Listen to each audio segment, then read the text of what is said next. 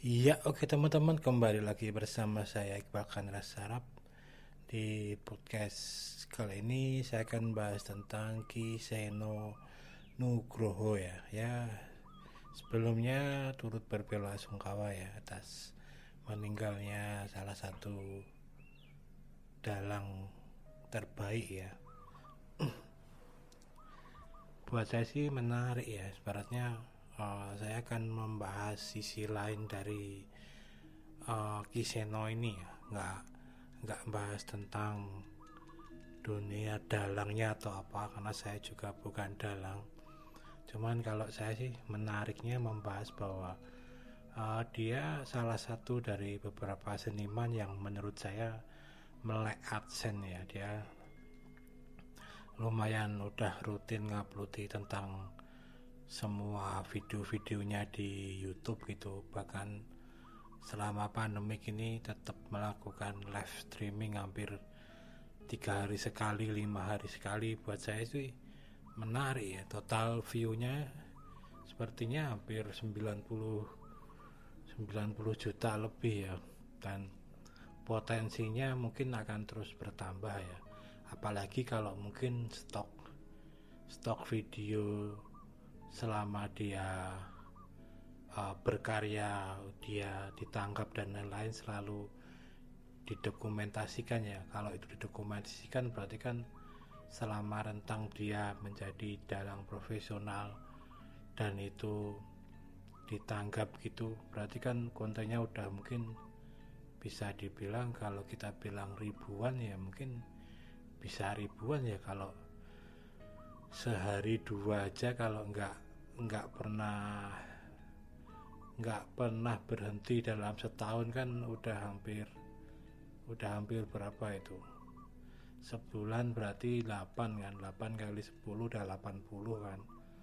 80 sisa 4 sisa 2 4 kali 2 8 16 setahun hampir 100 kan mungkin kalau kalau uh, dia berkesenian udah lama gitu mungkin taruhlah 20 tahun lebih ya tinggal mungkin tinggal dikalikan aja harusnya hampir seribuan lebih kontennya dia harusnya ada. Kalau memang uh, Kiseno ini juga mungkin mendokumentasikan gitu loh. Jadi buat saya juga potensial juga walaupun memang uh, Kiseno ini udah nggak ada atau apa kan ketika dokumentasinya masih ada kan sebenarnya uh, konten masih bisa upload terus ya. Seperti itu. Buat saya menarik sih karena nggak nggak banyak juga seniman-seniman yang yang uh, sadar akan itu. Kalau kita ngomongin nggak adsen lah kita ngomonginnya lebih ke konten aja lah.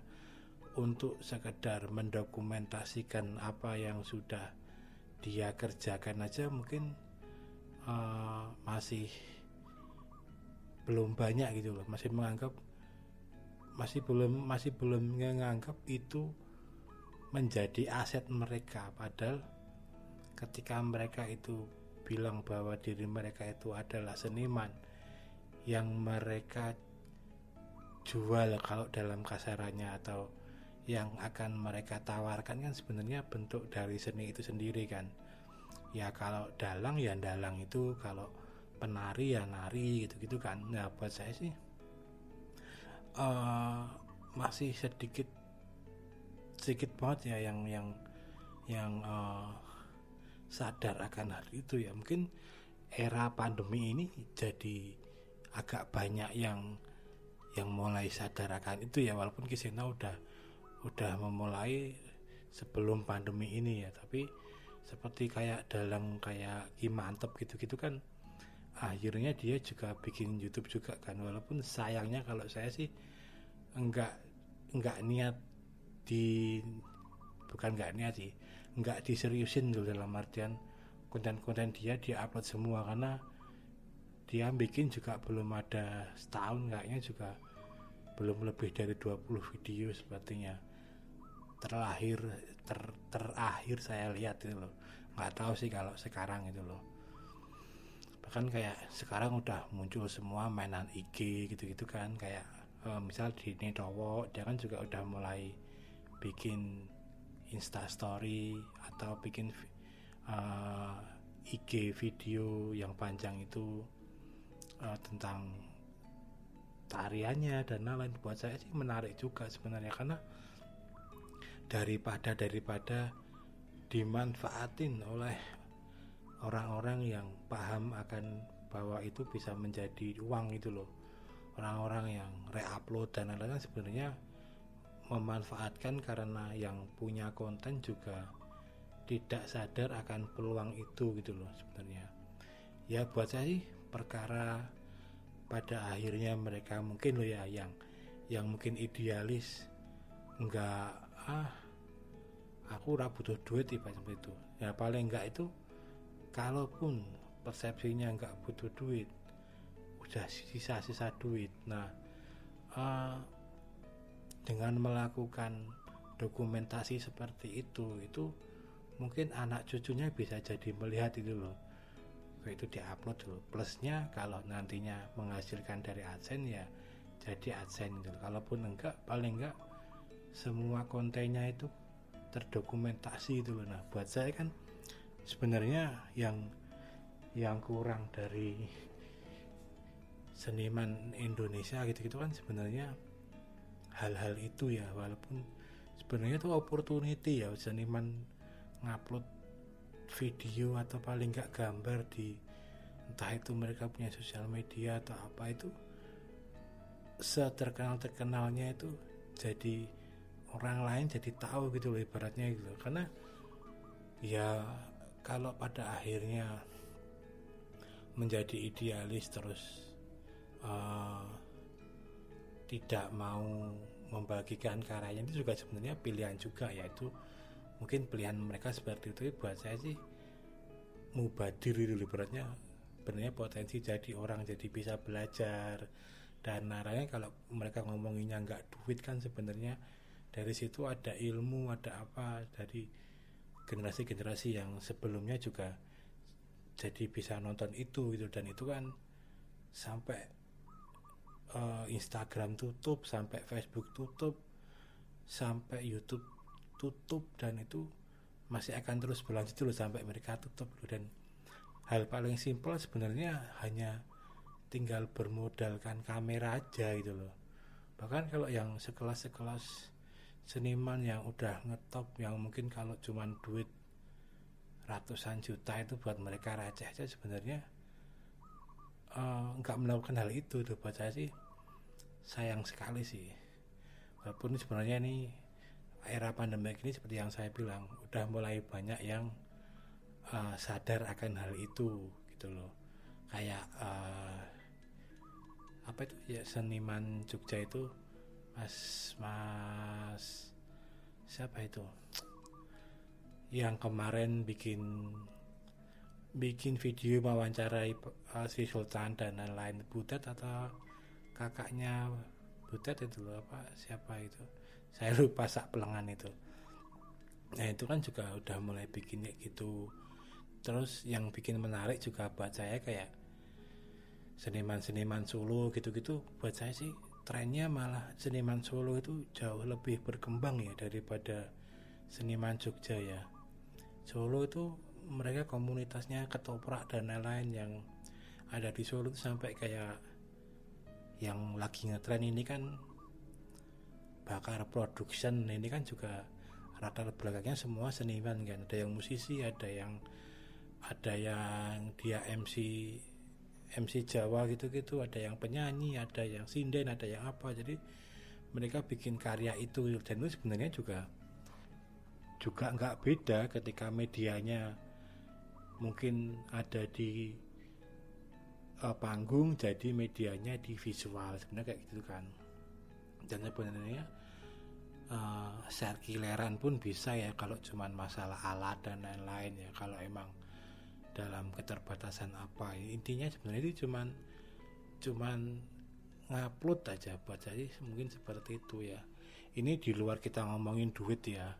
Kalau kita ingin terus berkarya atau apa daripada nggak bikin kesibukan kan mungkin bisa edan atau gimana kan. Dan menurut saya ya itu tadi uh, masih sangat-sangat kurang ya terutama kalau yang yang seniman-seniman Jogja yang paling enggak yang saya tahu ya yang saya tahu di YouTube ya dan di lainnya ya. Mungkin ada saya nggak tahu juga mungkin bisa jadi tapi yang sebatas yang saya tahu seperti itu. Walaupun kalau yang dalang-dalang itu juga udah udah banyak selain almarhum Kiseno yang udah mulai ngaput seperti itu gitu loh. Bahkan re-upload pun mereka sampai niat. Mereka uh, nyari video-video lama tentang dalang gitu terus macak yang punya akun itu macak ki siapa gitu diupload dengan metode streaming padahal mereka cuma pakai OBS gitu tuh. Mereka juga hasilnya banyak juga yang nonton bisa puluhan ribu kalau sekali stream gitu buat saya. Daripada cuma dimanfaatkan orang seperti itu yang mereka juga mungkin uh, nggak peduli tentang artis yang ada di video mereka gitu loh. Mending ya diupload sendiri aja jadi nggak jadi duit atau apa yang penting dokumentasi itu tetap ada itu loh. Ini kalau kita ngomongin seniman tradisional ya kalau kita ngomongin musisi dan lain-lain sebenarnya juga seperti itu kan. Tren ini aja kan yang bikin musisi semua punya YouTube punya apa punya apa kan. Ya mungkin karena emang kalau belum kepentok emang kemungkinan uh, nggak nggak nggak mau ngurus itu ya. Kalau saya sih pikiran saya seperti itu ya.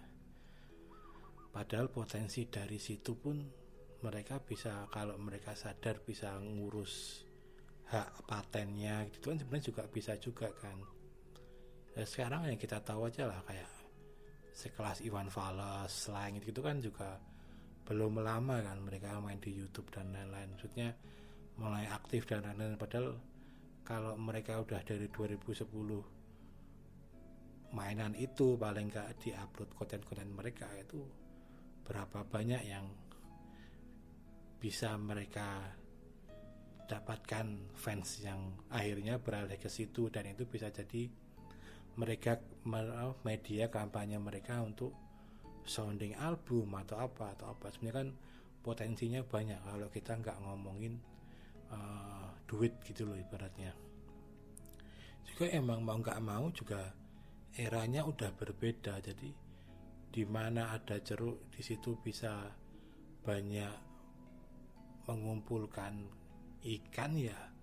Sebisa mungkin seniman itu bikin seperti itu bikin itu entah entah itu TikTok entah itu apa kan masalahnya itu hal-hal yang simple itu loh cuman modal HP dan lain-lain gitu loh. Saya itu cuman kadang itu uh, nggak sukanya tuh ketika mereka sendiri tidak melakukan itu tapi uh, ketika ada hal yang berhubungan dengan itu seolah merasa paling yang merasa paling yang menderita gitu seperti itu. Padahal iya sebenarnya karena ketidakpekaan mereka akan pasar itu sebenarnya kalau menurut saya ini menurut saya loh ya. Jadi seperti itu jadinya. Kayak ya yang paling yang selalu saya ulang lah kasus payung teduh dan lain-lain itu kan uh, yang yang cover lebih banyak dari yang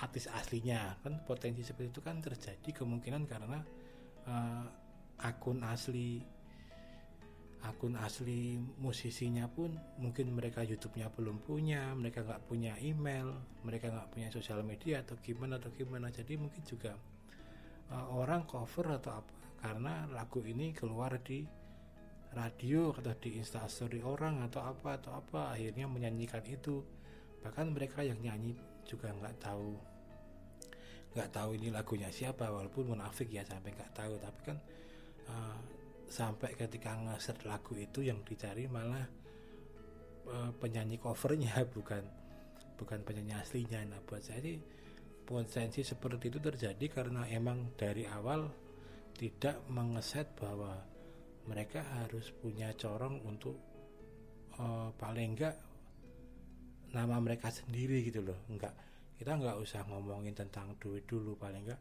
kalau ada akun officialnya ada apa ada apa itu kan karena sekarang kan namanya artis kan yang yang dilihat juga ya didelok pasti.